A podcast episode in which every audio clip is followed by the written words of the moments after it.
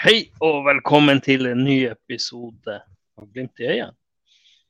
1-1 borte mot PSV i det som man Øystein kaller reserve-CL. Innbytter-CL, hva det det? Reserve-CL. Dessertbuffeen. Dette, men eh, for å si det sånn, det, det føles litt rart, for jeg er nesten litt skuffa. Nesten litt skuffa over at vi faktisk ikke vant. Vi var nærmest, men eh, alt i alt et fair resultat. 1-1. Vi tar det. Jeg har tatt det ti av ti ganger før. Eh, det er et lag som de har vel skåra mål på hjemmebane hver kamp siden 2018. Så møter Norges beste lag, og vi kjører dem litt på slutten. De har, men alt i alt en helt fair kamp. Eller hva sier dere? Ja, altså, jeg syns ikke det går an å være skuffa etter kampen i dag. Eh, Det, altså, det er kruttsterkt. Det, det er tørt, svart krutt som leveres av Bodø-Glimt i dag. Eh, og jeg tror eh, hadde vi vunnet kampen i dag, så hadde det vært en, en ny bombe som hadde detonert i fotball-Europa. Bodø-Glimt er igjen a force to reckon with, som de sier på, på godt nynorsk borte i England. Eh, og jeg syns Bodø-Glimt gjør en veldig voksen kamp, og så kan man jo selvfølgelig si Eh, Vetlesen mål, ikke mål på overtid der. Men vi må også huske på at vi, ble, vi, hadde, vi var på gaffelen. PSV kjørte oss hardt rett etter pause. Eh, de bomma også på åpent mål der etter 35-36 minutter etter retur på Haikin. Eh, så, så jeg ser bort fra resultatet i dag og bare hyller prestasjonen, for den er veldig, veldig sterk på bortebane mot et meget godt lag, PSV Eidhoven. Ja, nei, jeg er jo eh, jeg er veldig fornøyd med resultatet, og så sånn middels fornøyd med prestasjonen. Eh, Det var jo for så vidt en spennende kamp, og jeg syns jo PSV kjørte oss ganske bra i perioder. De siste 10-15 så eh, kjørte jo kanskje Glimt litt mer PSV, men jeg vet ikke, det er litt sånn eh, Sliter litt med å kjenne igjen eh, Glimt, og Glimt ser litt sånn litt energiløs ut i perioder. og du ser liksom Vi har ei tre mot to-kontring der Joel Muka blir stående igjen. og det er litt sånn. Men eh, jeg syns også jeg ser litt tegn på at Glimt for første gang siden Knutsen begynte, kanskje hadde en plan om å være litt mer forsiktig enn hva de bruker å være. For at eh, det var liksom ikke frislipp fremover. og når eh, Haiken eh, plukka opp ballen, så var det ikke satt i gang med i første sekund. Så, eh, men ut ifra resultatene vi har hatt i det siste på bortebane i Europa, så var jo det, virka jo kanskje det fornuftig, og vi fikk et resultat med oss som, som er en veldig god start. Ja, det er litt sånn, Jeg sa det før du kom inn her, før vi starta, at dette var en voksen europakamp. En voksen bortekamp. Vi, spiller litt rutinert, selv om vi tar selvfølgelig de overgangene på slutten. Så er det sånn at vi gjør noe professional fouls. Vi, vi liksom ligger og tøyer og bøyer litt der. Liksom, du ser Hugo han ser ut som han er skutt av en sniper der når det er litt sånn OK, nå trenger vi en pause. Og, akkurat det, det er litt sånn, den kynismen er OK. Det er helt helt feil. Så eh, nei, det er en voksen kamp, og resultatet er ekstremt bra. Eh, vi snakka Nederlands eh, ja, Nederlands, Et av Nederlands beste lag, Ajax, er suveren der, men er, de var runner-up i fjor. Bare noen få poeng bak Ajax. Knallsterkt lag. Et lag som har 23-7 i målforskjell på de første, seks kampene, de første fem kampene i æresdivisjonen. Ett tap. Så det, det er ekstremt sterkt. Ja, jeg føler jo at er sånn, det, det er veldig mange eh, elementer i kampen som det går an å snakke om her.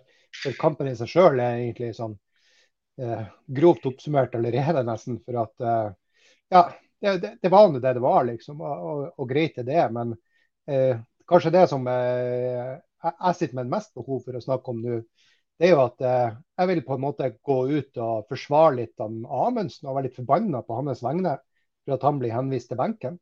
Ikke det at jeg har noe imot Lode, absolutt ikke. Men eh, det går litt på det at vi har et eh, talent som har kommet inn og grepet plassen og gjort den til sin. Og vært den beste stopperen siden han, han fikk den muligheten. Og med en gang her må jeg bare være litt, litt, sånn, litt ekkel med han Kjetil Knutsen og si med en, med en gang når kjæledeggene til han Kjetil Knutsen er, tilbake og tilgjengelig, så, så blir han liksom bare kasta på døra, han, Amundsen. Eh, jeg syns det er litt feil, og jeg syns ikke han Lode gjør en stor kamp. Syns ikke han gjør en veldig dårlig kamp heller. og Amundsen kommer inn og får seg et tidlig gult kort og alt det der, men sånn, det er litt det med signalet om at det nytter å, å gripe plassen og gjøre den til sin. Den, den irriterte meg litt, rett og slett. Det, jeg syns det liker han Isak, altså. Syns han hadde fortjent bedre. Ja, og det, det, ja, du, kan, du kan kjøre Paredes, du som har genser. Ja, jeg skulle si, jeg er jo kanskje litt inhabil som var på meg Brønnøysunds Parese-genser. En av de få som ble solgt før det ble stoppa av Bodø-Glimt til salget. Um, nei, altså, jeg, jeg, er jo helt enig. Jeg syns jo ikke at Isak har har spilt seg ut. Uh, og Nå hadde ikke vi noe før kampen-sending denne gangen uh, som vi har brukt å ha før Europa, men, men, jeg skrev tidligere i dag uh, at jeg kunne i dag er en sånn typisk kamp hvor jeg hadde likt å se det egentlig Amundsen på Nei, eh, Høybråten på venstreback, Amundsen og Lode som stoppere, og så, og så Samsted som, som høyreback. da. Og, og, det handla litt om at jeg trodde vi kom til å bli kjørt veldig mye mer. eh, kjørt av PSV enn det vi ble. Og uh, jeg syns Høybråten uh, har tatt steg som, som venstreback de gangene vi har sett han der i år. Samtidig som jeg, jeg føler meg mye tryggere på han defensivt enn en Brisum Mangomo. Uh, og så er det kanskje litt symptomatisk at, at Lode, som blir kasta inn, bare holder 60, noen og 60 minutter. Jeg mener som stopper så skal du, altså det er udiskutabelt, som stopper så skal du stå 90. Eh, det, det, er bare, det er bare sånn det er. Men, men, jeg ser jo Ja, Isak har vært vår beste spiller til å gå opp igjennom ledd, men jeg syns Lode i starten i dag er veldig flink til å eh, tre ballen igjennom ledd. Slår en type pasninger vi ikke har sett i Glimt så langt i år fra stopper. Eh, slår en del pasninger rett opp på, på, Runar veldig tidlig i kampen. Du taper jo Runar alle tre-fire pasninger som kommer, og så slutter bare Loda å gjøre det. Eh, så men, men jeg syns han tilførte en dimensjon også i spillet vi ikke har sett fra stopperplass tidligere i år. Det er jeg enig i. og så er jeg, men jeg ser hvorfor ikke Høybråten blir dytta på venstreback. Jeg ser det er mange som kommenterer her eh, med Wembangomo. Eh, det, Tom skriver at han gjør mye rart. Eh, det er litt sånn Men, men han, blir, han, blir, nok valgt pga. Understatement. Ja, eh, han gjør, gjør, mye rart i dag, men samtidig så blir han nok valgt pga. farta. Eh, men, men, det kan være veldig frustrerende å se på av og til. Eh, han har noen lange touch, og du, du ser at han, han ikke er familiær med det, det, underlaget. Det var jo en litt sånn løs gressmatte der, uten at vi skal klage på det, sånn at vi gir de gressforkjemperne så veldig mye bensin på bålet. Men, men, eh, men Bris i sånn i andre omgang syns han klarer seg egentlig mye bedre i oppspillsfasen. Eh, men av og til så er det det at du ser det, han er en høyrebeint eh, venstreback. Det er ikke nødvendigvis sånn at han klarer å ta de rette valgene, fordi at han rett og slett er lam på venstrefoten. Det er litt eh, frustrerende at, at vi har satt oss selv i den posisjonen der. for gjennom, Sett gjennom mine øyne så ser jeg jo også at PSV er bevisst på akkurat det her. og at de liksom eh, lar Bris få ballen, og så loser de han inn i et rom der de kan sette press på han. og Han får få pasningsalternativer. Men eh, det er nå én ting. Men ikke sant? når han begynner med sine Cruyff-varianter som siste mann, og han er han, han, han Rasta-gutten, hva han heter for noe? Han, eh, han, han bryter her og setter fart. Ja, ikke sant. Og eh, det, er mye, det, det, er mye dårlige valg og mye dårlige toucher. Spiller ballen utover sidelinja med noen drar med seg. Nei, det, det, det, er kjipt at Glimt har satt seg i en posisjon hvor det er lett å analysere seg frem til at det der er et problem fordi at en spiller som er litt utrygg, og så han er høyrebeint på venstreback. og Jeg er sikker på at vi har hatt en venstreback så med en god venstrefot, så hadde Glimt vært mye vanskeligere å analysere seg frem på. Jo, jeg, er veldig enig i det, det men samtidig jeg synes når når vi får det til å sitte. Men det er liksom sånn at i, det, i, dag så vil jeg hylle det defensive. Selv om ja, kanskje burde det målet de får, det er litt sånn tilfeldigheter og litt uh, udyktighet som gjør at de får det målet. Men jeg syns vi spiller en bra kamp defensivt. Uh, og det her, det her, laget her, det er som sagt Jeg syns Aset var et bedre lag når Glimt møtte Aset. Jeg syns de hadde, hadde analysert uh, Glimt bedre enn det PSV gjorde. Og så syns jeg du ser det på slutten at de var slitne. De orka jo ikke å presse de siste ti minuttene. Eh, og der er det litt sånn utur, og at vi faktisk ikke klarer å sette den siste der på 1-1 og overtid, det, det, er utur. Men samtidig, det, det er sånn Jeg syns det står respekt av det at vi tar med ett poeng og en åker forsvarskamp. Og så sier jeg at ja, jeg syns også Lode gjorde en, en, en, bra prestasjon. Høybråten, det er jeg enig med. Det var noen som skrev her at Høybråten eh, var hans beste. Det er jeg faktisk enig i. Høybråten og Vettesen var de to som jeg syns utmerka seg i dag. Og det, det, er litt fordi at han, I dag var Marius Høybråten den som gikk foran og slengte seg foran, sånn som han bruker å gjøre. Eh, Lode, du ser at han er litt rusten i kampform. Det kan, samme kan man egentlig si litt om Patrick Berg. Men, men Patrick Berg han har en tilstedeværelse. Han, han har så mye ballvinninger der i første omgang som jeg syns er så bra. For det er det vi har irritert oss litt over tidligere. Ja, det er veldig sant. Ak akkurat ja, men altså, ja, ja. Men jeg har lyst til å fortsette litt på der du sier Bjørn Einar, at det er en bra forsvarskamp. for det er sånn, Ja, PSV kommer til en del sjanser, eh, men når du, når du, ser på hvor de, de tar avslutningene ifra, hvilken type avslutninger de må ta, eh, så er det gjerne sånne Det er ikke sånn at du tenker når, i det skuddet går at nå er det mål, der sitter han. Og det er jo fordi at de ikke kommer seg gjennom, og de, de gjerne må ta Eh, ja, i tidligere avslutning enn de vil, eller at de ikke finner de riktige, den riktige måten å komme seg gjennom Glimt på, bare må avslutte angrepene. Uh, den, den, største farligheten til PSV i dag er jo uh, haiken retur. Eh, mm. Og utover målet, da, selvfølgelig. Og utover det syns jeg ikke de har noen sånne kjempestore sjanser. De har et skudd fra 16-17 hvor haiken nesten gir retur, men han vinner den igjen. Eh, og, og, det er jo bare et testament til, til forsvarsspillet Bodø-Glimt gjør som, som rent kollektiv, da, når du ser på hvor PSV må ta avslutningene sine ifra. Jo, men de har gode avslutninger fra, fra distanse. Og så må vi ikke glemme det der han Haiken er fette heldig at ikke han eh, kommer i en posisjon der han må få rødt kort for å si sånn, på det gjennomspillet han går ut av. Det, det, det én centimeter fra at den der ikke bare glir mellom beina hans. Det, det, der er tur, selv om det er bra. av Haiken å være tidlig ute der. Men så i forhold til det målet på, til PSV, så jeg trodde lenge at det var Når jeg så målet, trodde jeg det var Lode som var Han så tung ut det, tidligere der òg, men eh, når jeg ser reprisen, og det sier de jo, analyserer de jo så godt i studio, at det er jo Samsted som ikke følger opp sitt.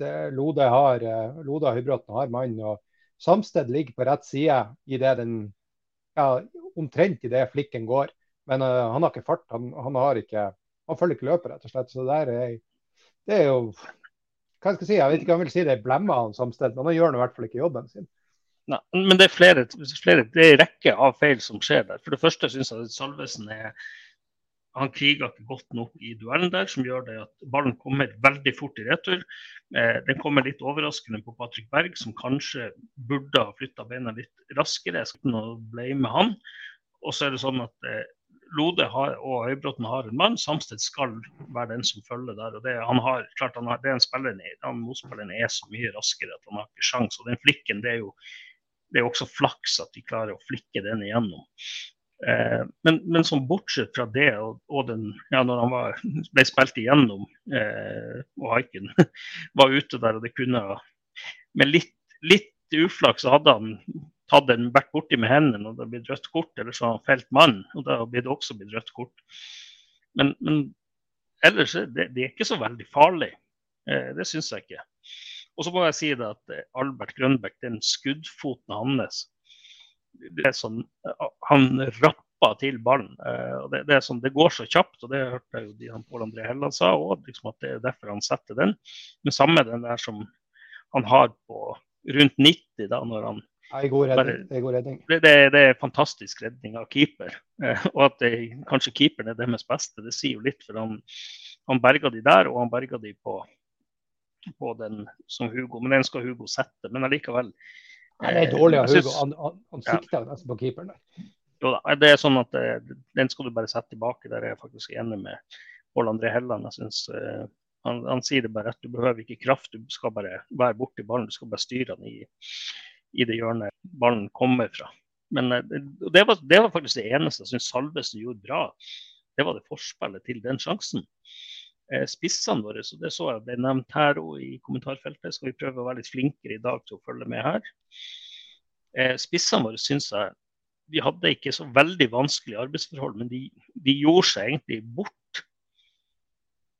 Jeg vet ikke om dere har gjort noen tanker på det. Han, jeg skrev jo det til i chatten vi har, at, eh, gjorde det så ut som han spilte med vernesko.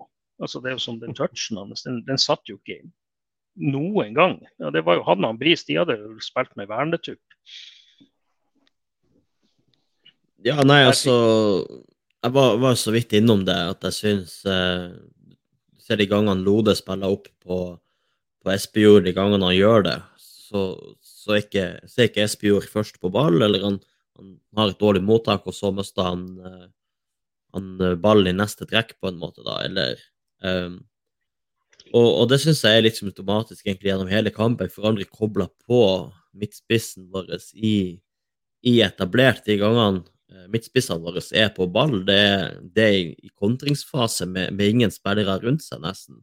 Uh, og det ser du jo uh, Kjetil Knutsen kommenterer litt etter, etter, kampen også. har, Det er en situasjon hvor vi er, egentlig er tre mot to, men Vuka ikke følger etter, så det blir, egentlig to mot to-situasjon. da. Uh, men, men, utover det så, så, er det liksom ikke så mye spissene våre er med i kampen. Uh, og, og, det har vi jo etterlyst tidligere, det her med at spissene må, må kanskje komme dypere ned eh, i banen for å involvere seg. Eh, men da må også touchen sitte, for de gangene Espejord møtte, så mista han jo ballen eller ikke, ikke var først på den. Så... Ja, det er litt sånn eh, Det er litt tungt at vi har eh, to spisser som eh, er sånn her en plass mellom topp hva skal si, topp fire og topp åtte spisser i Eliteserien, kanskje. Altså det, det, I den formen de er i nå. Altså for Jeg snakker ikke om potensialet deres, for det er begge, begge har et høyere potensial. Men der de er akkurat nå, så er de de er vel rett og slett ikke gode nok for å spille, eller i hvert fall for å hevde seg i e-cup. Uh, og det er jo det er litt sånn en tung, tung innrømmelse, ut ifra at jeg tenkte at vi kanskje skulle ha to spisser som eh, som skulle hevde seg der. Og særlig Espejord, som på sitt, når vi vet hva han kan gjøre på sitt beste, så, det, så kan det være ganske mye krydder i det. altså. Ja. ja nei, og det, men så er det også, også litt sånn bevegelsen rundt. ikke sant? Og Det er jo litt sånn som Espejord, eh, der vi, vi, kommer to mot to, og, Muka ikke tar det løpet. Det er jo kontring. og Det er litt sånn... Det er jo helt sykt, det der ja, det ble nevnt at det, jeg ser det var noen som skriver her. Det er så mange som skriver her, men bra det. Men jeg ser det var flere som skrev det. Øystein, du som har kontroll på det der. at eh, ja, det vi. Muka litt igjennom i dag. Eh, var det bare en dårlig dag? Eh, jeg syns han, han, falt veldig igjennom. Og det virka som han bekken har satt seg tidlig i respekt. Han tok en gang, og så det samme som at da, da slutta han å prøve. Eh, han kunne ha mala litt på. og det er klart, eh, Akkurat det løpet der, det, som, det må du ta. Du må, du må da liksom skape overtall. Det, det, er svakt av Muka, rett og slett. der, og det, Han virker sliten. Det er helt uforståelig. Men så vet vi at vi ikke har noe særlig alternativ på benken. Eh, overraskende nok, for Sugell var jo der i dag, og det er jo litt sånn Han eh, har jo spilt på dette nivået for Maribor.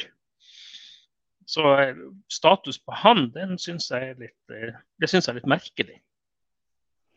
Jo, men, men, jeg tror Muka jeg tror Muka er akkurat der han har vært. på en måte. Han er akkurat like god og like, akkurat like lite sluttprodukt som, som, det har vært i serien òg. Men, men, det er jo bare det at Muka møter veldig mye bedre motstand nå enn han gjør i Eliteserien. Altså her, vi møter jo i et Champions League-lag på veldig mange måter i, i dag. Det skal vi ikke glemme av. Så Jeg tror ikke det handler om at Muka har en dårligere dag, i hvert fall ikke veldig mye dårligere dag enn hva, enn hva han bruker å ha, men at motstanden var rett og slett mye bedre. Og, og, og du, du, ser det også på de returløpene Muka gjør sånn. Normalt sett bruker å springe opp forbi eh, motspillere, så, så, ser du at han blir utfordra på fart i dag òg ut, ut, av bekken. Men eh, jeg vet ikke om det er litt tidlig å gli over til det, men jeg syns en som man kan si hadde en dårlig dag i dag. Det, det var Saltes. Med, med litt glimt i øyet. Det så ut som en, eh, en eldre mann som var utpå der i dag. En, Det viser seg når, når de får en skade, så har de ikke flere å sette inn, og så må de sette inn hjelpetreneren. OK, det er spissformulert, men uh, det var liksom alt, alt, var litt dårlig på Saltnes i dag. Touchen han skulle ta ja. med den ballen i 16-meteren, og, og liksom pasningsvalgene han gjør jeg, det, så, det så dårlig ut. Ja, det er jo det Håkon Sommerseth spør om her, om Knutsen vil fortsette å spille en Saltnes ute av form, sjøl om det finnes alternativer.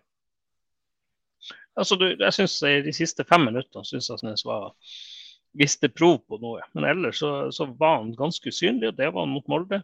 Han har ikke vært på sitt beste her. og det, det Som sagt, det, hadde Pellegrino vært vært shape og vært med, så tror jeg kanskje at eh, Saltnes fort hadde havna på benken. For jeg syns Grønbæk gjør en solid kamp.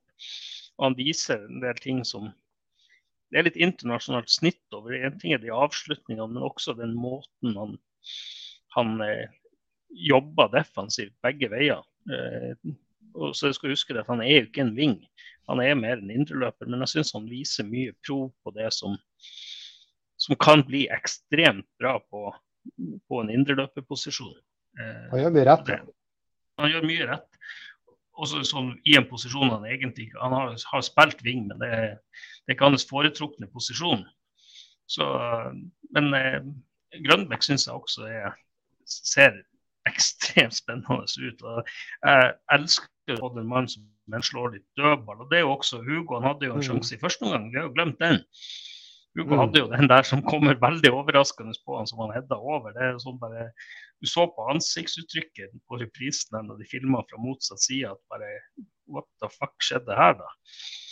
Så eh, det, det er litt sånn Alt i alt så er det, synes jeg det summeres opp med det Alex skriver, Alexander skriver her, at det er en solid og profesjonell bortekamp. Eh, vanskelig å forvente mer. ikke sant, og Samtidig så kunne det er kjipt med bommen til Vettesen, eller jeg vil si bom an, for begge to skal du sette. Eh, men så er det sånn at det, ja, kanskje ikke han var rett mann på, den, på corneren. Der skulle kanskje spissen ha vært, eller en av stopperne som har litt høyde og kommet over ballen, så hadde det sittet mål. Men allikevel, det er litt utur, men samtidig. Vi skal være kjempefornøyd med men, resultatet. Men tror dere faktisk eh, OK, sett at Pellegrino var, på, eh, var, tilgjengelig i dag. Jeg, jeg tror aldri i verden Saltnes hadde blitt tatt ut av laget. Og Det der syns jeg er et lite Det der er litt sånn OK, vi må nok få lov til å Selv om Kjetil er vår mann og han, uh, han, gjør jævlig mye rett, så må vi få lov til å ta ham på noen ting. Og så akkurat det her med han Saltnes Han har jo han har hatt flere kamper i år som han kanskje, kanskje ikke burde ha spilt sånn i forhold til at han har hatt, hatt formdupper tidligere i år som ikke var ikke han har, ja, så har vært veldig grensa i, i forhold til det å fortjene plassen sin, i hvert fall. Og så er det jo sånn at det skal ikke han Knutsen ever gjøre noe bytte der. Ja, nei, så det Jeg tror det henger litt sammen med, med skadesituasjonen generelt også i Glimt. da. Um, begge Konradsen har jo vært ute. Uh, så Fete er ute. Vetti har jo halta en del, ikke sant. Så, så det som ja, men har, du trua, har... men har du trua hvis Pellegrino har vært med i dag? Du, du, tror da at Saltnes hadde starta på benken? da? Nei, nei, det tror jeg ikke. Men, men generelt så langt i sesongen også, så er det ja. hva, hvilke andre alternativ har man egentlig hatt da? Det er greit, ja. Så... Men uh, ja, nei. Uh, men, men noe jeg er irritert meg over i dag, uh, er det her at jeg syns uh, I stedet for at bevegelsene utløser pasningene, så er det ofte at pasningene utløser bevegelsene. Uh, jeg syns du ser det når det åpner seg litt mer opp kampen på slutten i dag, etter 75. Uh, Hugo noen ganger slår ballen ned ut på kant. Mm. Og, da, og da, da, ønsker, det er mange ganger at jeg ønsker at Vuka er der ballen ender opp allerede idet pasninga slås. I stedet ja, han har ikke starta. Han har ikke starta, rett og slett. Så han starta etter at pasninga slås. Uh, og det syns jeg du ser en del på midtbanen. Også Patrick i trang situasjon, så slår han opp ei, ei pasning i mellomrom. Men Hugo står litt på hælene, ikke har ikke helt trua på at Patrick skal klare det. og så når, han, når pasninga slås der, så er Hugo de to meterne for, for, kort til at han når den ballen, som er egentlig er en jævla bra pasning. Eh, ja, vi får mange brudd med mann i rygg i dag.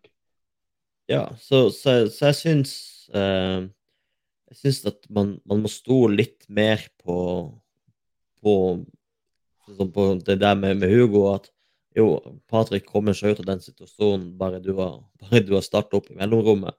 Uh, men også at når du har muligheten til å, til å starte ut på kanten, uh, true løp, true rommet bak backen eller uh, mellom back og, og, stopper, at du starter i stedet for at Hugo slår pasninga, og så starter du. Fordi at også hvis du, hvis du starter løpet, så drar du kanskje med deg en spiller, åpner rom for andre i stedet for at du bare skal stå og se på og vente på at pasninga går, og så, og så, løper du. Så det, det, det, savner jeg litt i dag i det offensive. Mm. Men, men ja, det, det, er litt men, vi, har, vi har veldig mange pasninger, faktisk. Vi, vi, så en sånn stats nå. For det første så har vi nå 53 ballbesittelse. Det, det er bra på bortebane. Eh, jeg syns Glimt eh, Knutsen sa liksom på pressekonferansen i går at Glimt skal være ute og være Glimt. Dette er noe vi må ta læring av. Noe har de i hvert fall tatt læring av. Eh, jeg syns ikke vi var så naive. Men, men, det du sier der, Øystein, er jeg også litt enig Vi sto litt på hælene enkelte ganger, især offensivt. Jeg syns som sagt forsvarsspillerne er på stasjon, er pigg. Ja, de får et mål imot som er litt sånn utur, men, men, samtidig så er det sånn vi, vi var mer påskrudd. Eh, men jeg savner også det at vi, at vi liksom litt mer initiativ offensivt. og Det henger nok kanskje sammen med det at Espejord var ikke så pigg. Som sagt, spilte med vernesko. Eh, Muka syns jeg hadde en svak kamp til å være Muka. Eh, lite initiativ, lite, eh, der, lite Han utfordrer bekken lite. Og så spiller vi med Grønbæk som ja, han er en, eh, en eh, indreløper som spiller som innoverkant. Og han syns jeg er beholdninga fremover, egentlig. Han er den som gjør det. Prøver seg litt. og det, ja, det, det som du sa også, når hodet slår opp ballen, så er det sånn at når Espejord enten står på hælene, eller så står han der og får den på tuppen av verneskoen, den bare forsvinner ut i intet og kommer raskt i retur. Jeg savner litt at vi var litt mer påskrudd. Um, så kunne vi faktisk ha tatt dette. og det, det en, Til tross for at det er en solid prestasjon, så kunne vi ha gjort det bedre. Det er det jeg sitter igjen med litt. Det er litt merkelig å sitte og være skuffa over spilt uavgjort mot Nederlands nest beste lag eh, på, på bortebane. Altså, jeg er jo veldig fornøyd med, med resultatet og egentlig prestasjonen òg. Eh, så det jo bare litt sånn jeg syns det er litt artig å, å sitte og plukke ting litt ifra hverandre likevel. da. Eh, og så må jeg jo si at eh, hvis Pellegrino altså Honnør til Grønbæk. Hvis Pellegrino hadde starta i dag, så er jeg ikke sikker på at Glimt hadde vært noe særlig bedre. Eh, jeg er ikke sikker på om Pellegrino hadde satt den sjansen som eh, Eller det var jo knapt en sjanse engang, det Grønbæk sett. Så eh, jeg syns Grønbæk har en en, en, av de bedre for min del. Altså det, han er jo tunga på vektskåla både i forhold til å, til å skape sjanser i forhold til å, å sette mål. Da. Ja, absolutt. Um, og um, jeg syns jo egentlig kanskje at, at Grønbæk, hvis han får flere kamper i, i rollen som wing, kan uh, i hvert fall avlaste, om ikke erstatte Pelle. For jeg syns veldig ofte at det stopper opp i det offensive spillet med Pelle. Han mottar ballen, og så står han og ser på, og så slår han en støttepasning. For at ikke er på fart og går rundt, eh, ikke går innover og slår pasninga igjennom, eller finner motsatte indreløpere i mellomrommet, eller altså, Pelle, sånn som Glimt bruker Pelle, er, er, veldig viktig i det defensive spillet, faktisk. Løper mye begge veier, og så er han, så er han en avslutter bidrar ikke så mye i det kollektive angrepsspillet. Der syns jeg faktisk Grønbæk kanskje er, er bedre. Du ser jo Grønbæk han, han, tok mye defensive løp i dag og vant ballen en god, god, del ganger i dag. Så det skal han ha kred for det òg, syns jeg. Ja, absolutt. Ja, men det, jeg hørte de nevnte i, i studio at han, han, viser sin verdi. Det målet er verdt overgangssummen alene. Det, det, det, er få som gjør det der etter ham. Altså, det er få spillere i Eliteserien som gjør en sånn avslutning. Ja, Pelle, Pelle har en del sånne innimellom. Han er ekstremt god på det å komme og bøye han inn bort til lengste, men det der er, det er klasse. Og samme den, som sagt, den avslutninga som keeper tar, det er også klasse. Og jeg syns liksom han, han, viser som sagt mye prov på, på mye bra ball. Jeg tror det er en spiller vi kan få det mye morsomt med. Eh, jeg tror han kan tilføre laget noe. Eh, og det er klart, vært i Glimt det er ikke lange tida han har vært i Glimt. De har knapt nok trent. De har spilt kamp på kamp på kamp. på kamp. Så kan tenke deg når denne spilleren får en sesongoppkjøring med Glimt, hvor bra han kommer til å være. Ja, det... ja, litt apropos det. Hvis dere eh, altså Offensiv samhandling i, i Glimt. Eh, hva, hva dere gir terningkast? Jeg landa på en treer. Jeg syns, jeg syns på en måte Glimt ikke, ikke er ja, er langt unna sitt beste nivå. I, tillegg så sa jeg det vel det i chatten underveis i kampen at jeg, syns jo Glimt frem, altså, De fremstår så godt trent, men ikke like godt trent som de har vært i 20- og 21-sesongen. Hva er deres tanker om det? Nei, altså, Jeg er jo mye enig i det du sier. Jeg hadde jo en, en lengre passiar i den interne chatten vår i dag, eh, tidligere i dag. Eh, vi diskuterte det her med ja, med bredde i spillet, samtidige bevegelser, eh, bevegelser inn i bakrom. Eh, det å tørre å slå de her stikkerne i bakrom, selv om bakrommet er lite. Eh, den timinga som mangler, hvordan vi ikke er i stand til å ja, vende spillet på hurtig nok via midtbanen, sånn at vi får dem motstanderlaget til å, til å skyve frem og tilbake fra side til side. Til slutt så sprekker det opp i midten for en stikker eventuelt. Så, så, så fra én til seks ligger jeg mellom tre og fire et sted. Jeg er også eh, på den offensive samhandlinga, altså. Og, og der mener jeg det er mye å hente. Og selvfølgelig, vi er jo blitt stilt noen andre typer spørsmål, i hvert fall i Eliteserien i år enn tidligere. Eh, med den veldig kjøret på, på 5-3-2 og egentlig 5-4-1 eh, imot oss. Ja, nei, Jeg er egentlig enig med dere der. Det, det, er noe som ikke sitter med relasjoner. Um, og det er klart Vi blir stilt for noen andre utfordringer i, i Eliteserien. Uh, vi møter ofte lag som ligger lavt, parkerer bussen litt. Vi er kanskje ikke så Vi er litt risikoavers. da. Og når skal vi ta risiko? Så syns jeg spissene har en del utfordringer med det relasjonelle og bevegelsene rundt spiss. Eh, og det, det, er jo litt sånn hvis man drar den til eh, 2020-sesongen med Kasper Junker. Han kom og møtte, bare slapp ballen til indre løper, og så stakk han i rommet. Og Da visste han det at da var det alltid en av Ving som, som, var på løp. Eh, og da kom pasninga inn i, når, når, han var inne i boksen igjen. Eh, jeg syns spissene våre er De ser litt for seige ut, rett og slett. Begge to. Eh, jeg hadde håpa vi skulle se en litt sharpere Runar Espejord i dag. Kanskje han håpa spare det til Tromsø-kampen, at han kommer der og skårer et par. Gjengjelder litt eh, Isak skåra et mål i fjor for Tromsø mot Glimt. så håper at han er litt mer på stasjonen. Men det, det er akkurat det samme som mot Molde. Litt for stakkato når vi går frem. Og det er litt men, vi, vi trenger litt mer bevegelse. Ja, og motsatte bevegelser rundt spissen. Få det opp der. og Det, det kan nok være det at vi, rett og slett har trent for lite. Eh, fordi at det rett og slett ikke er tid i det tekniske kampprogrammet å trene på relasjonen. Jeg tenker hva jeg syns vet ikke så jeg syns er litt merkelig. det er at vi I forhold til motstander så fremstår vi for så vidt akkurat like gode eller eh, hva jeg skal si, mot, mot eh, PSV som vi gjør mot f.eks. HamKam. Liksom. Det, det, ser jo ut som vi møter samme, samme type motstand. Så skal si at uh, vi, er, vi, er, like gode eller like middels i, i, i begge deler. Altså, altså, det er selvfølgelig en stor prestasjon da, å, å, klare å ta poeng borte mot PSV, det er ikke det jeg sier. men prestasjonsmessig så ligner det på hverandre, men utfordringa i de to kampene er jo to vidt forskjellige nivåer. Og jeg vet ikke om jeg syns det er rart, eller om jeg syns det mest er veldig bra av Glimt hvordan de klarer å heve seg. For det er jo klart, eh, i forhold til det Glimt har gjort i, i serien, det kommer fra 1-4-tap eh, eh, hjemme mot Molde og så 1-1 borte mot PSV. Det er, jo, det er jo fryktelig mye sterkere å klare 1-1 borte mot PSV. Det er jo ikke noe, ikke noe tvil om det.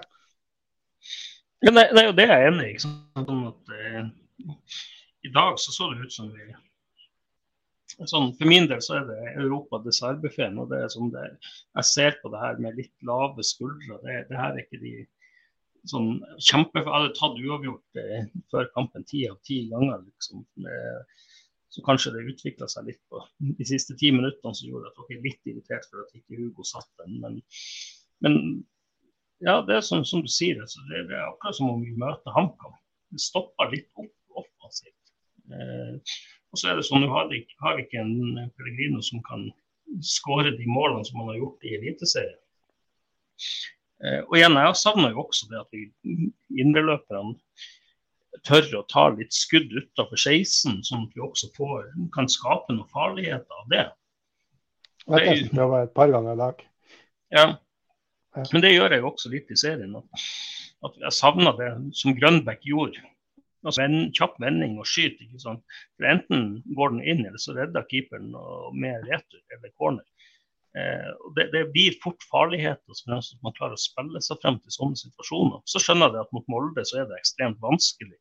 Men, men ofte i, i, serien så har vi slitt litt mot egentlig gjort det og variert litt. Vi skal liksom spille oss inn på femmeteren og prøve å avslutte der. og igjen, når det kommer til spissene, det er jo litt sånn som jeg har sagt jeg håper jo Salvesen Espejord er så fandenivoldske at okay, de sier til seg selv at denne plassen skal være min.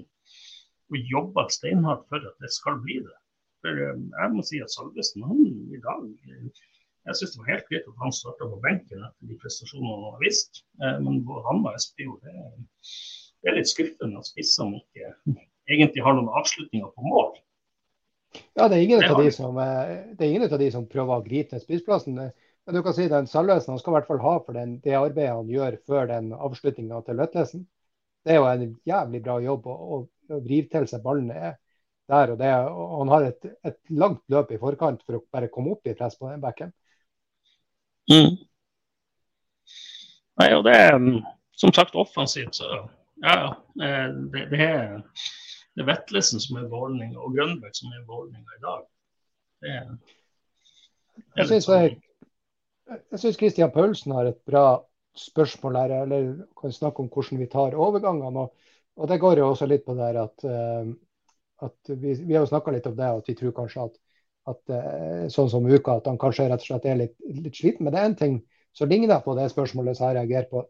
Det er hvordan vi kan spille oss forbi ledd. og uh, og f.eks. få ballen opp på, på bris og spilt, spilt av et pressledd allerede.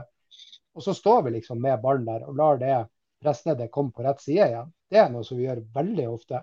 Og i tillegg, som jeg sa, at haiken er ikke så kjapp, men det kan jo være bevisst i dag, på å sette i gang når, når han plukker opp baller. sånn at vi kommer oss forbi det her leddet.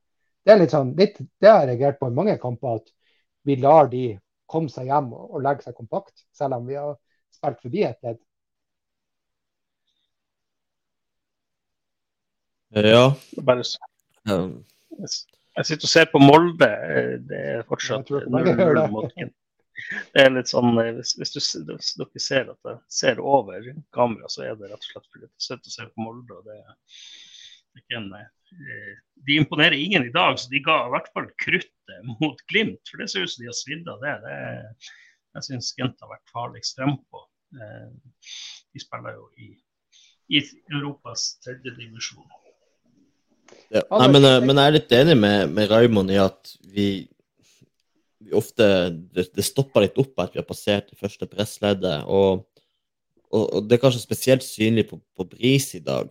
Uh, men noe av det også skyldes jo uh, selvfølgelig uh, Jeg vet ikke om det, om det, er mottaker av ball når vi har passert første leddet, at det, at det går litt for, for sakte. Du hører Stokke si det et par ganger at hvis, hvis Mangomo eh, løper imot ballen, så har han to meter rom i stedet for å vente på ballen, og så er motstander på rett side. Eh, Vetlesen også står og venter en del i dag. Eh, blir, blir tatt eller mista ballen på at man står og venter på ballen istedenfor man bare går og, går og, tar den, på en måte. Um, og så, så, havner det kanskje litt om bevegelsene rundt seg, sånn som den der situasjonen hvor vi kommer tre mot to, men, men Buka henger igjen og ikke, og ikke tar det løpet. Um, så det er kanskje en, en, kombinasjon av tid brukt på ball og bevegelser uh, foran seg. Uh, så, så jeg vet ikke helt hva jeg skal si, hvordan man skal gjøre det der bedre. For det, det, er jo ikke bare å slå en pasning fremover, eh, og, så er det en god kontring, liksom.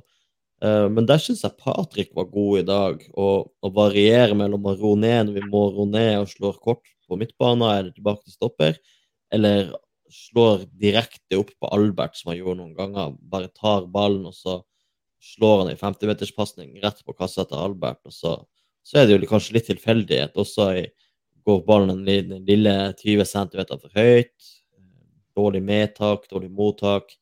Men, uh, men jeg syns at Patrick hadde en, ja, en, en, ny dimensjon som den defensive sentrale der i dag, uh, som Elias ikke har hatt. Den muligheten til å bare slå, slå direkte opp på kant. Uh, så det er jo kanskje noe vi får se mer av utover høsten.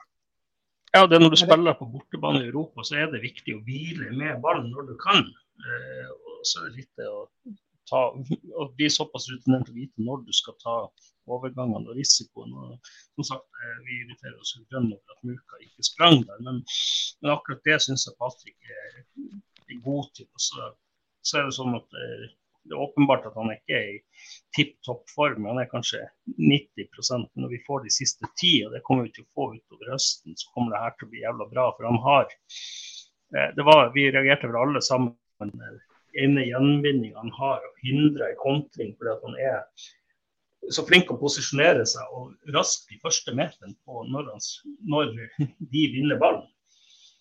Så, eh, så syns jeg det er jo det er i hvert fall en trygghet for for mitt hjerte at Patrick spiller for det.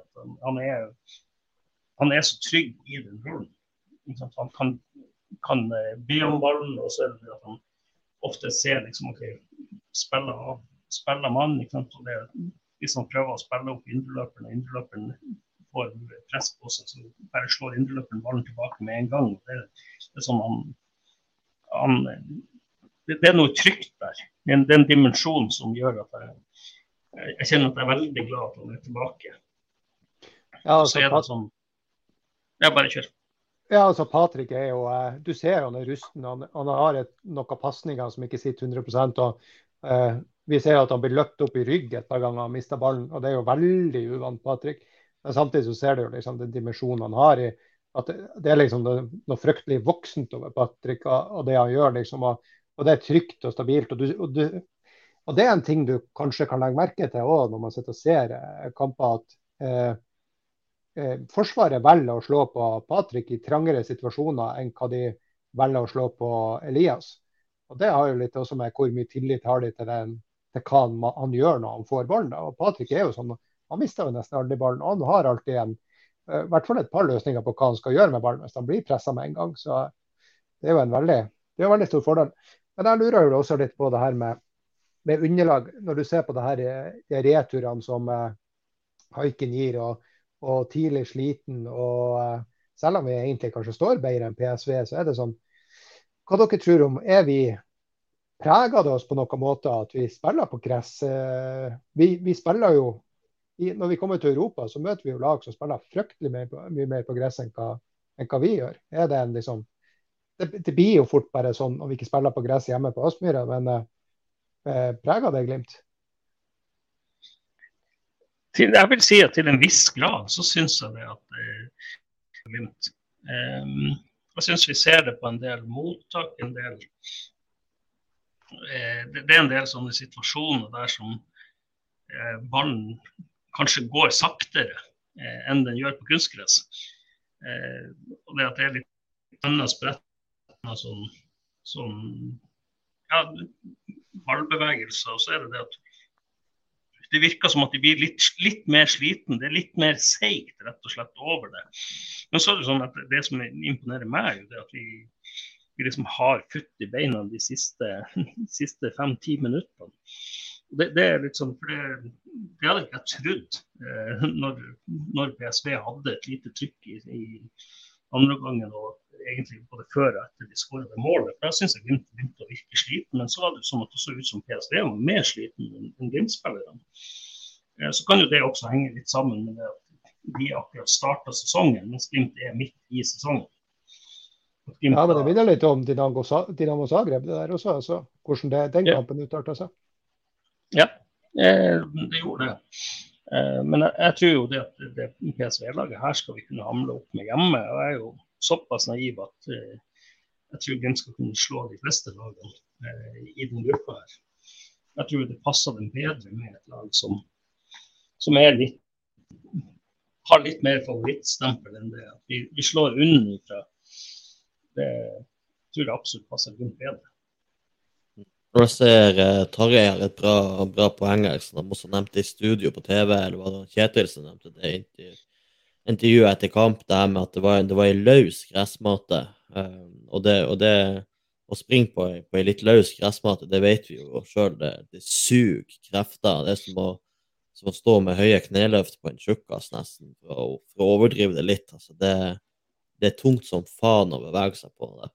Um, men jeg vil litt tilbake til det her med overgangene i dag, fordi um, jeg syns ofte også i dag at kanskje spesielt Bris eh, slår ballen bak spiller du skal sentre til. Du ser også Grønbæk også har en del pasninger som kommer eh, bak Saltnes. Eh, og, og, da er liksom eh, Kommer ballen bak fordi at ballen ruller saktere på gresset enn på kunstgresset, eller er det timinga som er off? Jeg vet ikke, men eh, det er mange ganger i dag jeg føler at yes, nå har vi kjempesjanse til å kontre, men, men så kommer pasninga halvannen til to meter bak spiller som, som stikker på løpet, eh, som, som, vi prøver å slå på. Ja, nei, jeg, jeg, er enig der, men jeg, jeg syns Glimt ofte gjør det, også på kunstgress. at jeg, jeg, lurer ofte på hvorfor det ikke står ballen to-tre meter foran, sånn som de spiller ut på bekkene. I stedet går det rett på mannen, sånn at de, det tar lengre tid, og du får ikke det medtaket. Men uh, jeg går ut ifra, I og med at jeg også gjør det på kunstgress, så går jeg ut ifra det bevisst taktikk i forhold til å være forsiktig med brudd. og også det her med at de stopper opp og venter. Er det, er det en måte å mørne spissene på? liksom at eh, la, de, la, de, springe i press, og så la de springe hjem etterpå. Jeg, jeg vet ikke helt. Så, men eh, ja.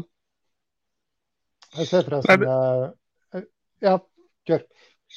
Nei, ja, det, ja, det, det virker som at de Eh, de spiller på lav risiko bak selv om de, de og PSV var ikke så villige til å stupe i press som, eh, som vi har sett andre lag gjøre, eh, og låse av. Jeg syns de klarer å komme seg relativt greit ut av det, i hvert fall i andre omgang. og det er litt sånn at mens jeg ble litt sliten. Men, men det var ikke sånn at jeg satt med hjertet i halsen. eller Lode og Høybråten og, og Haiken drev og spilte ball der, og Bris ofte skulle sette i gang og begynte å forsere ledd. fordi at han, Bris har såpass mye tempo at det, det der takla han fint. Eh, det er en del andre situasjoner sånn som han har, skal gå fremover. Det tror jeg nok kanskje underlaget sier skyld. der Han ser ut som han knea ballen liksom, og laga frispark. Han hadde noen andre overganger som kunne blitt farlig mot seg. Der de spiller, liksom, slår ballen for langt foran seg. Og Det er litt sånn jævlig irriterende å se på. Det, han eh, så også ut som han hadde en liten vernetupp på skoen innimellom. Ja, eh, det, det, jeg skulle til å si her, var at jeg så et spørsmål om, eh, om vi savna Solbakken i dag på benken. Jeg vet ikke hva, hva jeg skal svare på det jeg savner jo at noen kan komme inn og, og avlaste Muka litt når det ikke fungerer. Men så lurer jeg også litt på hvorfor Segell ikke gjør det. Og Solbakken er vel sikkert ikke fit nok når han ikke er med i den kamptroppen. for Knutsen har jo ikke da, har jo ikke et regime der, han tar ut eller plukker bort spillere for at de ikke har kontrakt. Tvert imot, han spiller med de som er, som er best. Men eh, jeg, jeg, jeg, lurer jo litt på hvorfor det ikke blir bytta når, når Muka altså det, Den kontringa Muka ikke tok, det var etter 55 minutter. Så det måtte jo da måtte du være begynt å bli litt sliten allerede da, tenker jeg. Og da snakker jeg den der tre, tre mot to, eller potensielt tre mot to.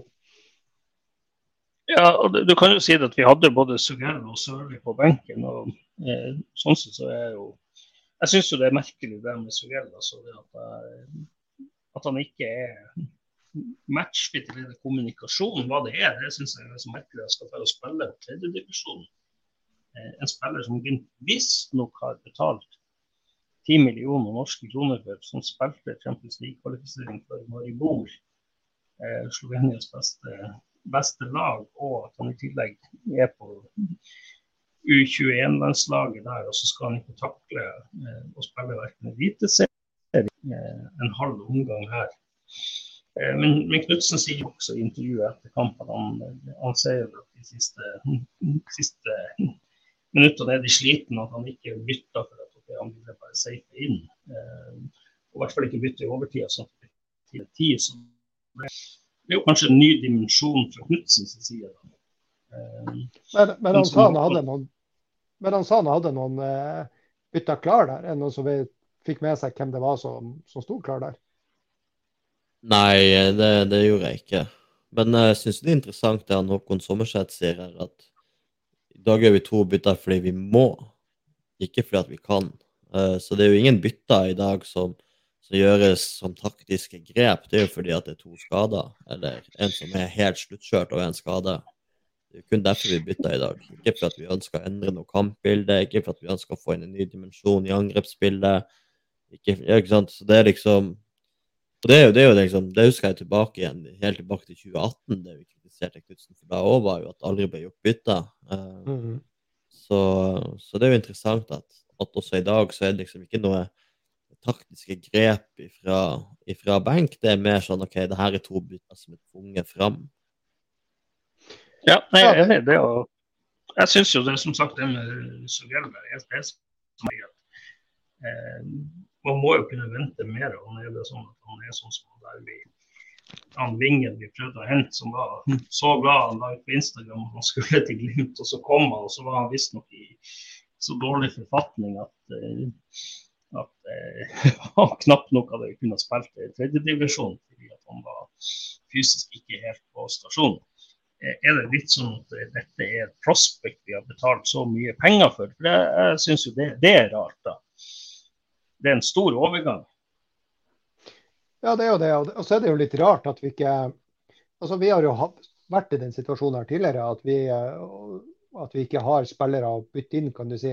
Men så siden den gang så har vi vært ute og brukt eh, nesten 100 millioner på overgangsmarkedet.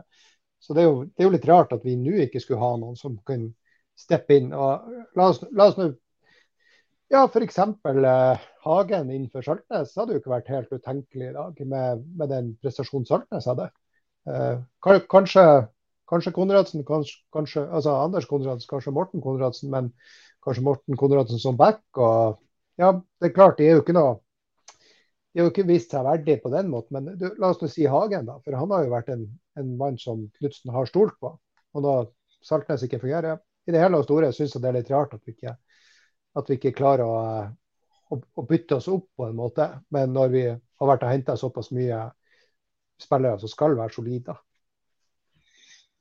Ja, nei, det, det, er litt eh, som jeg ser eh, Anders Engdahl Johansen sier, vi skulle hatt mer å sette inn på når vingene er tom, ikke slash ikke lykkes. Så det, det, er jo enig i. Det, det var jo der jeg trodde i hvert fall at Sugell skulle kunne fungere. Eh, for det er jo et lite paradoks at vi bruker, eh, bruker Grønbæk som er indreløper på ving når vi har kjøpt en ving til 10 millioner. Det, det, det, i mine ører så høres det veldig merkelig ut. Eh, så kan det jo være at man har noen fysiske ja, utfordringer, at det er noe kommunikasjon der. at det er sånne ting, Men jeg tenkte jo at når man svir en sånn sum, så skal man jo være relativt sikker er en, en mann som i hvert fall kan brukes som innbytter. Ja, hvis, vi, ja, hvis vi ikke sier Sigurd, da, hva med Sørli? ikke sant? Hva, hva, hva, er hans standing i Glimt? Altså, kan vi ikke relativt trygt anta at, eh, at Muka var sluttkjørt etter 60-70-80 minutter og ikke ble bytta ut? Da må jo det si noe om standingen til Sørli f.eks. Jo, men så vet vi jo at Knutsen har det sånn at han skal, skal også spille spillere i form. Eh, nesten uansett hvordan de Han er jo sånn, han laminerer jo eh, startoppstillinga, virker det som ofte. Det, det, det, kan jo være det at okay, nei, dette må Juka lære seg til å stå i. Eh, det at han klart eh, han, han, bør jo klare eh, to ganger 90 i løpet av eh, og restitusjonstrening en, en 19 år gammel spiller. Det bør han kunne tåle. Men, men, det er klart, ja, jeg er også veldig enig. Jeg syns det er rart at eh, når, når Myka ikke tar det i løpet av Knutsen sier jo også det i intervjuet etter kamp at han syns det var litt irriterende å se på at vi ikke tok den overgangen. Den er stor. Men som sagt også det, det at vi har en, en, relativt mye folk på benk, og så gjør vi ikke noen bytter. Det kan jo være tryggheten at, de, at han syns det funker, eh, så han ikke, ikke, vil gjøre det og vil ri inn denne uavgjort og spille litt på resultat. Og det, det er jo i tilfelle en ny, ny greie med Knutsen og hans eh, hvordan han egentlig har en sånn eh, kampmanagement. Eh, men jeg syns jeg syns også Glimt er litt mer voksen. Jeg tror det, det er litt sånn Eh, læring i det å spille i Europa. og Det er en del ting man kanskje øver på underveis. da. Og Det er som sagt et veldig sterkt poeng eh, på bortebane. og det, det, gjør det at vi er en god sits. Eh, slår vi PSV på hjemmebane og Zürich på hjemmebane, så er, det, er, vi, er vi godt, eh, rigga for å få noen europakamper på nyåret. Mm. Nå har vi snakka om uh, Øystein, hva skal vi si? Ja, jeg bare ser at han, uh, Anders Engdahl Johannessen har et godt poeng her. At, uh, at, Sugel, at, at Knutsen mener at Sugel ikke er skolert nok defensivt. Uh, greit nok som wing, så er jo oppgaven din primært å, å briljere offensivt, selvfølgelig. Og det der er i hvert fall gullkortet Molde. Um, men nok ja. om det. Um, det at, at, at han ennå ikke er klar til å gå inn i en sånn type kamp mot PSV, hvor, hvor vi tidvis i andre gangen var såpass på gaffelen til PSV, og da sette inn en spiller som kanskje ikke helt ja, vet, Vi vet jo ikke hvor god han er i engelsk, f.eks. Eh, kommunikasjon med spillerne rundt seg. Eh, om han forstår vingrollen sånn som den spilles i Glimt. Eh, både offensivt og defensivt, kanskje spesielt defensivt i denne kampen her, da. Og om det er et moment som gjør at han ikke kommer inn. Sugel, da. Men, men Sørli burde jo kjenne til det. Han spilte jo fast fra start i fjor. Men, eh, nå har vi snakka veldig mye om eh, Kanskje vi kan, eh, før vi glir over, for det har kanskje vært bare snakk bitte litt om Tromsø-kampen før vi gir oss, men før vi går dit, så skulle vi ha tatt det, de tre beste og de tre dårligste bare for å ha en slags børsgreie. Jeg, kan starte med de men vi kan jo ta de tre beste hver først, så får vi tenke litt imellom. Ja. Mine tre beste, det tror jeg må bli eh, Patrick og uh, Grønbæk. Og sistemann, ja, tar Høybråten, da. Jeg kan ta de tre beste. Det, jeg syns Høybråten gjør en bra kamp. Eh, og Vetlesen, altså det som, jeg klarer ikke å rangere den ene over den andre trekker selvfølgelig litt ned på Vetlesen at han, at han ikke skåra. Jeg syns jeg Grønbæk eh, Patrick Berger og Grønbæk det, det, er veldig jevnt mellom de to. De, det er vanskelig å skille noe. Men det, det er litt sånn, det, dette er en lag eh, altså Det er lag Glimt som tar ett poeng. Det, det, er ingen enkeltspillere som, som utmerker seg ekstremt i noen som helst retning. Og det er Sånn sett så er det også veldig greit å si at laget din kan være kynisk, laget din kan fungere. Du skal bli i Tromsø. La oss håpe at vi ser litt av den samme fandenivoldskheten. Ja. Tre beste. Ja, nei, så jeg syns uh, Patrick og Albert er nok sjølskreven der. Uh, syns jeg faktisk at Hugo gjør en veldig god kamp, sjøl om han ikke skårer på de to sjansene sine. Eh, så jeg lurer på meg om det blir de, de tre fra meg, faktisk. Kan jeg ta de tre som jeg syns var så Ja, vil du si mer? Kjør på. Ja, om jeg, om jeg, om jeg kunne begynne i motsatt uh, rekkefølge. Ja, kjør på, kjør på. Kjør på. Bare Nei, for meg blir det Bris, eh, og så eh, Saltnes og eh, Espejord, faktisk. Jeg kan kjøre. Jeg syns sånn Bris jeg ser Espen Hagen skriver at vi mulig har diskutert det, men vi må seriøst kjøpe en, en venstreback. Og det har vi også vært enig i lenge. Eh, jeg syns det eh, Han gjør ikke en Han er kanskje den svakeste bak det.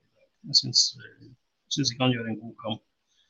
Så, så er jeg skuffa offensivt, rett og slett. Det, det, er liksom, det er mange jeg kan ta. Det, Espejord gjør ikke noe spesielt god kamp. Muka gjør ikke en god kamp. Eh, Saltnes gjør ikke en god kamp. Men, men eh, ja, det blir Saltnes og, og Espejord og, og Bristad som skuffer meg.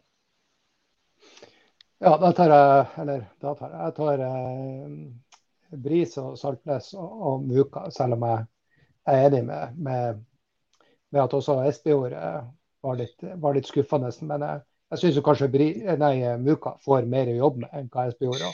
Får ikke så veldig mer ut av det. Og så kan Jeg ta det med at jeg, jeg syns også at Vetlesen er å banke på døra på de beste.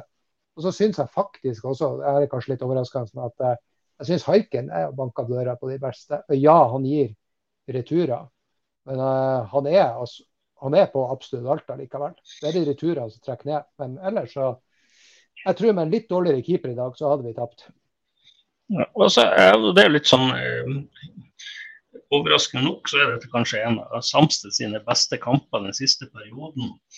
Eh, til tross for at han kanskje burde ha falt av, men det er, sånn, det er tilfeldigheter som gjør det målet. Som kanskje starter litt, litt dårlige bilder som ikke viser mye av bevegelsen forut for det som skjer. Men han, eh, han er trygg i dag. Eh, som sagt, Forsvaret syns jeg det er, det er noe trygt over det. det vi har sluppet inn mye mål i år. Eh, og det som skal vi hevde oss i denne turneringen så må vi ha forsvarsspillere på plass. Forhåpentligvis kan både Berg og Lode bringe inn en ny dimensjon der. og det ja, jeg syns Patrick viser mye av det i dag. Han går foran der og eh, er litt kamprusten, men det kommer nok på Lode også. Du ser jo at han, han, er sliten etter 50, som det, det ser man på. Eh, men jeg, jeg syns det er noe trygt med når du ser og Det er ikke til forkleinelse for Helstad Amundsen, men det er noe trygt å se Lode og Berg på startoppstillingen. Det syns jeg Lode var god på i dag, faktisk. Tar ett steg frem og bryter foran mange ganger i dag. Eh, og hvor jeg tror kanskje Isak bare hadde blitt med på løpet til, til spissen. Jeg skal ikke si det for sikkert, da. Men uh, men jeg satt og tenkte på det underveis i kampen. hvor, hvor altså det, det, er litt pondus over han, over han Lode i dag, de, de 60 minuttene han, han, holder. Det må jeg si. Ja, men samtidig kan du si Jeg, jeg satt og tenkte at uh, underveis at det var mange situasjoner så Lode liksom med bilen løpende litt på sida, sånn, men så men så sitter jeg og tenker at uh, hadde Isak vært på banen, så hadde han han, han, er veldig god å komme opp i kroppen og, og holde de feilvendt og, og plage de hele tida.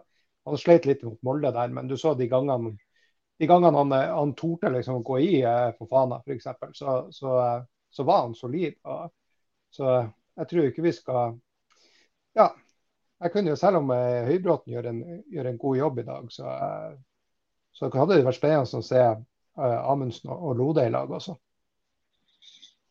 Ja, absolutt. Det tror jeg er det, det mest altså, mot lag som ligger lavt, i hvert fall, så er det det beste stopperparet vårt, uten tvil.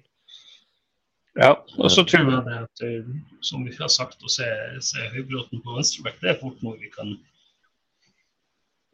Jeg vet ikke.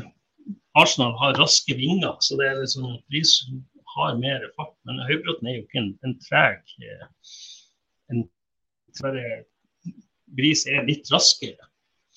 Så, men eh, jeg, jeg, sliter litt med å se liksom, alternativet på, på venstrebekken. Eh, så hard fart. Altså, som Bare for å spille inn sånn i det du sier det. Uh, lo Lode på, på venstreback? Han er jo høyrebeint. Ja, ja, det er Bris òg. Jo da, men eh, jeg, jeg, jeg, vil jo helst se Lode som stopper. Hvis det er liksom Lode skal inn, så er det som dere sier også Lode. og Om, om det er Høybråten eller Helst Amundsen eller det må når han er frisk, som, som starter ved sida, det tror jeg egentlig ganske sånn Det er ganske jevnt løp mellom de nå, vil jeg si egentlig, vi har fire egentlig ganske jevngode stoppere. Og så har vi også Sverre Larsen bak der. Så på stoppeplass er vi godt rusta. Jo, men jeg tenker det kunne vært spennende. Uh, og det her går jo ikke på, de at, på det at jeg mener at, eh, at uh, Lode er bedre enn Bris på det, på, på det Bris er god på. For, for, å si sånn, der er jo akkurat det med å ta med seg ball forbi ledd, så er jo Bris veldig god. Men uh, når det kommer til det og, og, til alt det andre, så tenker jeg jo da, da har man jo en Lode som er en trygg og erfaren eh, midtstopper og, og, forsvarsspiller som kan gjøre den defensive jobben på god måte. Han har en ekstremt god pasningsfot, og han har også fart til, til, å møte raske vinger. Så jeg tenker at det, For meg er jo ikke det helt utenkelig. Ja. Og samtidig av Høybråten og Amundsen i, i midten. da. Nei, det, det er en spennende tanke. Men kan vi tenke inn mot uh, Tromsø-kampen, for å gli litt over i det? Nå har vi bekka, timen, da. Så hva vi, hva vi tenker der på søndag? Uh, kanskje mest i forhold til hvilken dag tenker dere bør starte, og hva dere tror starter? Først og fremst er det en ekstremt viktig kamp. Uh, Glimt har noe å revansjere etter den Molde-kampen, først og fremst. Det må jeg si at eh, jeg forventer et litt annet tenningsnivå. Eh, utsolgt eh, holdt på å si Macarena der oppe i Tromsø. Eh, bortefelt, et, et gult, fullt bortefelt bak det ene målet. Regner med at vi får se Parelis i baris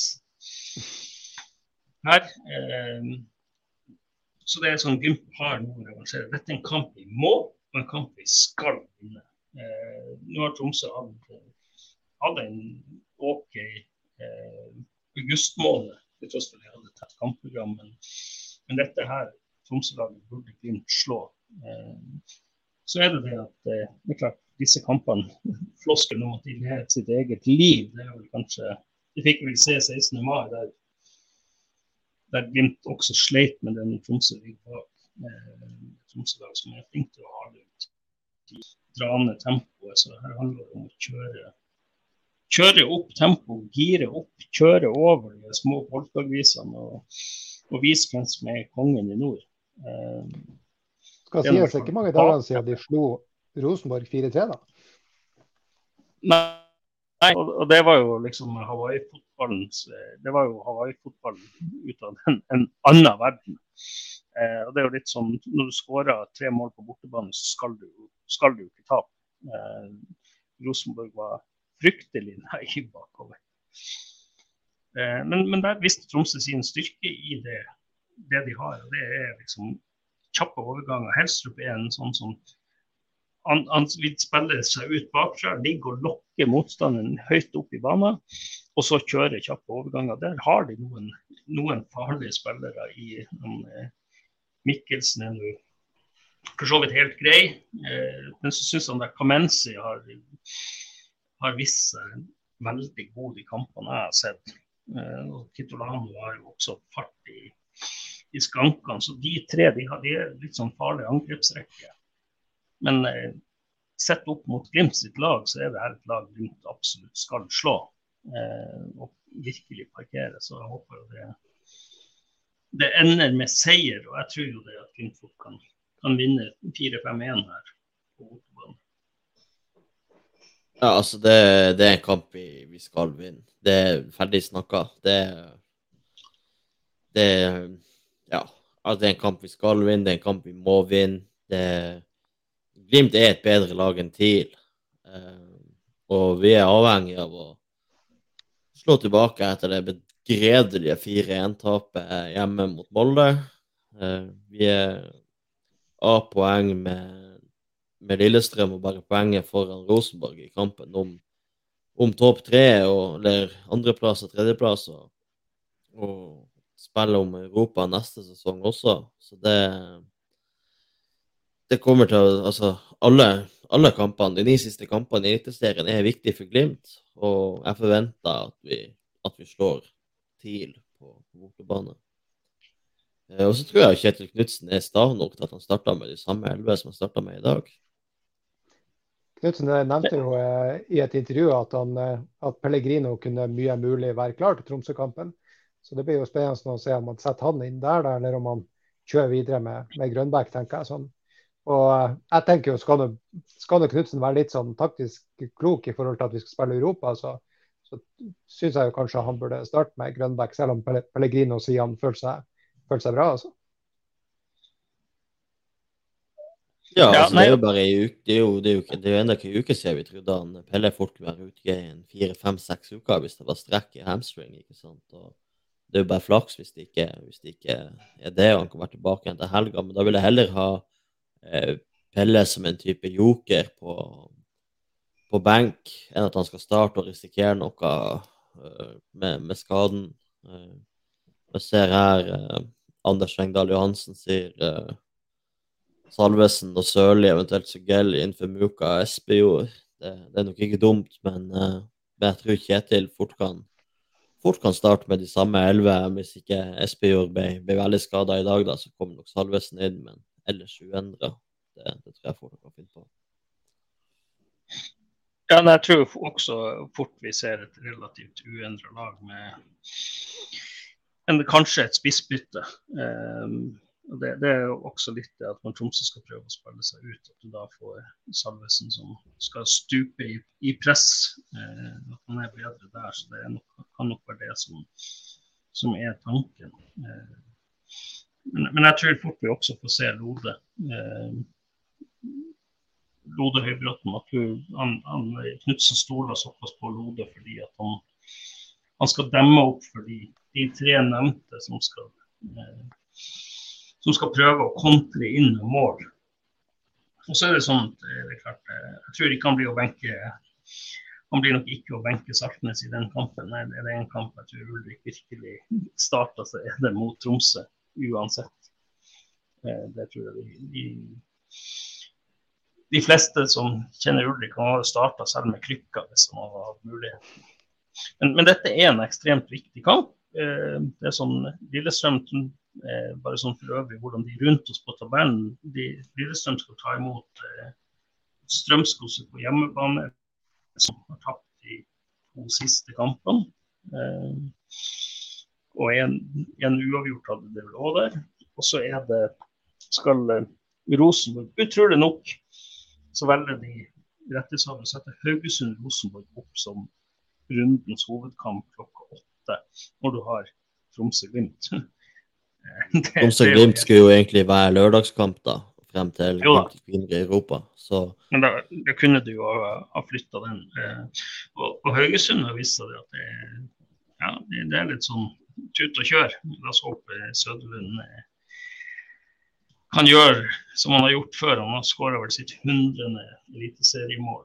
Nå kan man gjøre det mot gamle lagkamerater, så blir jo det bra. Men, men, det er så viktig nå å, å bare sanke trepoengere og vise at vi HamKam og Molde var noen to feilskjær. At vi nå går ut og viser at vi er kongene i nord. Det hadde vært litt artig om Tonekti kom, kom inn der og, og ja, Tonekti, Tonekti og Søderlund skåra hat trick hver. Mm. Det hadde jo vært helt fantastisk. Så. Men eh, alt i alt så ja, den kampen skal vi vinne. Men én ting jeg glemte med den andre. Jeg må jo få gi skryt. 300 stykker på, på reise til eiendommen, eh, inkludert han Alex. Så derfor ikke han med her i dag. Men, men det, det, er ganske bra, for det er, er, jo relativt kort varsel. Eh, det er ikke lenge siden trekninga. Litt sånn litt ukjent destinasjon. Det er ikke sånn som London. Der tipper jeg det kommer til å bli i hvert fall 3000. Men det, jeg syns det er bra med 300 stykker som reiser sånn cirka, så farga enda den gul. Eh, all kudos til dere som gjør det. Så uh, Jonny har skrevet at det var tog, nasjonal togstreik i morgen i, i, Nederland. Så at folk måtte begynne å se på alternative reisemåter. Så det, jo, det gjør det jo til en ekstra prestasjon å dra på den ene bortekampen. For det kan jo være at de, de får litt av et styr i morgen for å rekke fly hvis de har tilbake allerede da. Ja. Ja, og det har vært diverse utfordringer med sikkerhetskontrollen på Schiphol. Det er ikke, det er ikke helt opp å stå etter covid ennå. Så det, det, så det var fire kilometer kø der, eller noe sånt. Det var, var heftige greier. Der. Det var noen som hadde lagt ut på en sånn reisegruppe. Så, men eh, som sagt, jeg er glad for at det, vi skal revansjere dette mot Tromsø eh, til helga. Revansjere Molde. Jeg tror det var viktig at vi fikk en god opplevelse nå.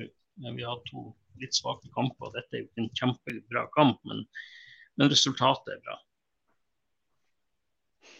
Ja, og det er jo egentlig det. Det er jo egentlig det. Nå, nå har vi jo sittet og skrevet mye om eller pratet mye om at, at vi er over ting vi ikke syns var helt optimalt i dag. og Det er jo, det er jo sånn litt fotballnerding fra vår side. Men eh, alt i alt så det er vel ingen av oss som er skuffa utover det at eh, i de sekundene etter at uh, ja, Vetlesen bomma, men, men, bortsett fra det, så er det jo Vi er jo veldig, veldig fornøyd med, med ett poeng bort, på bortebane i Europa League. Det er i hvert fall jeg. Ja, uten tvil. Og det er jo eh, bortsett fra Ja, bortsett fra, fra seier over, over Celtic i, i fjor og så hadde vi vel seier mot uh, Valur og,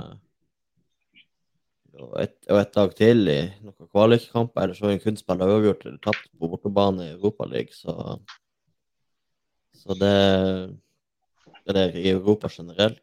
Så skal ikke kimse av det her. Også. Jeg syns det det er et veldig sterkt resultat. og jeg må innrømme i dag, jeg har ikke vært nervøs, jeg har nesten ikke vært spent heller. For at i dag er en sånn bonuskamp. De, for min del inn, inn i den gruppa her, når, når trekninga ble som den ble, så tenkte jeg liksom OK, to seire mot Zurich og, og ett poeng hjemme mot PSV er kanskje maks.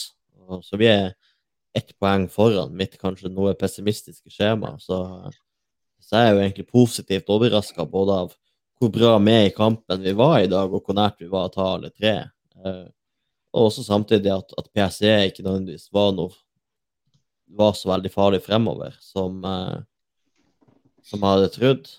Det, ja, det, det, det, sa jo også de i studio, at PSV det er jo, de er jo Ferrari fremover, men så er det jo en, en gammel Skoda bakover.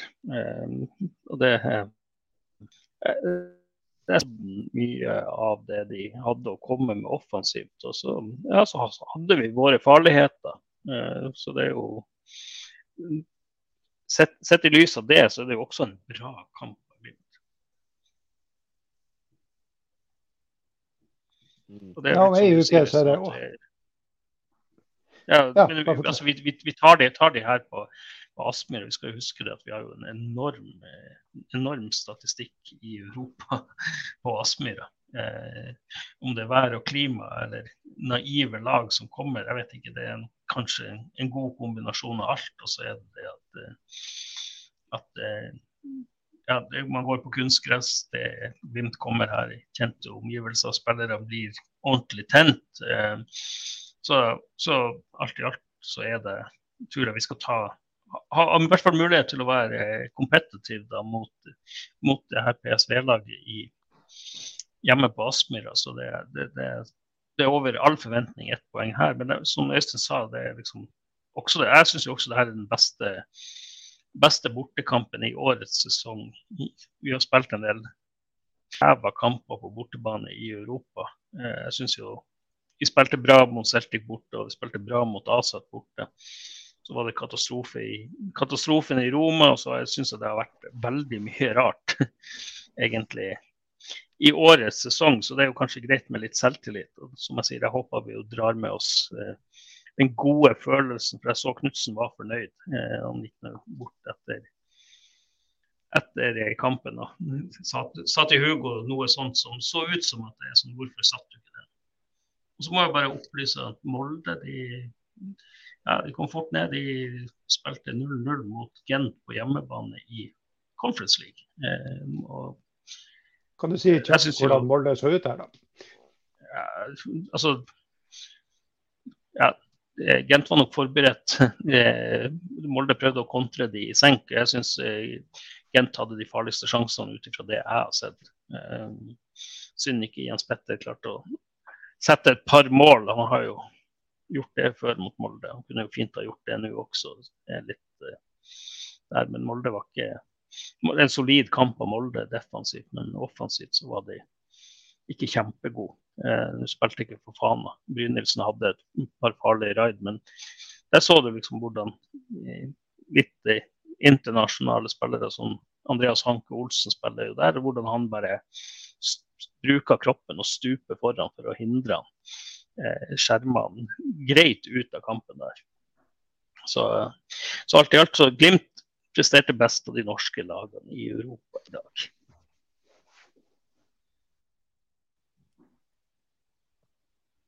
Ja. Jeg vet ikke, har vi noe mer, da? Det... Nei, har vi tatt alle spørsmålene? Jeg tror det, men eh, i hvert fall vi har prata gjennom det meste her, da, så så tror jeg egentlig det er på tide å begynne å runde av. Um, så må vi bare beklage til de som hadde venta en kampdagspod. Jeg har i hvert fall hatt nok å gjøre på jobb. Det har vært eh, hektisk, eh, så det ble ikke det.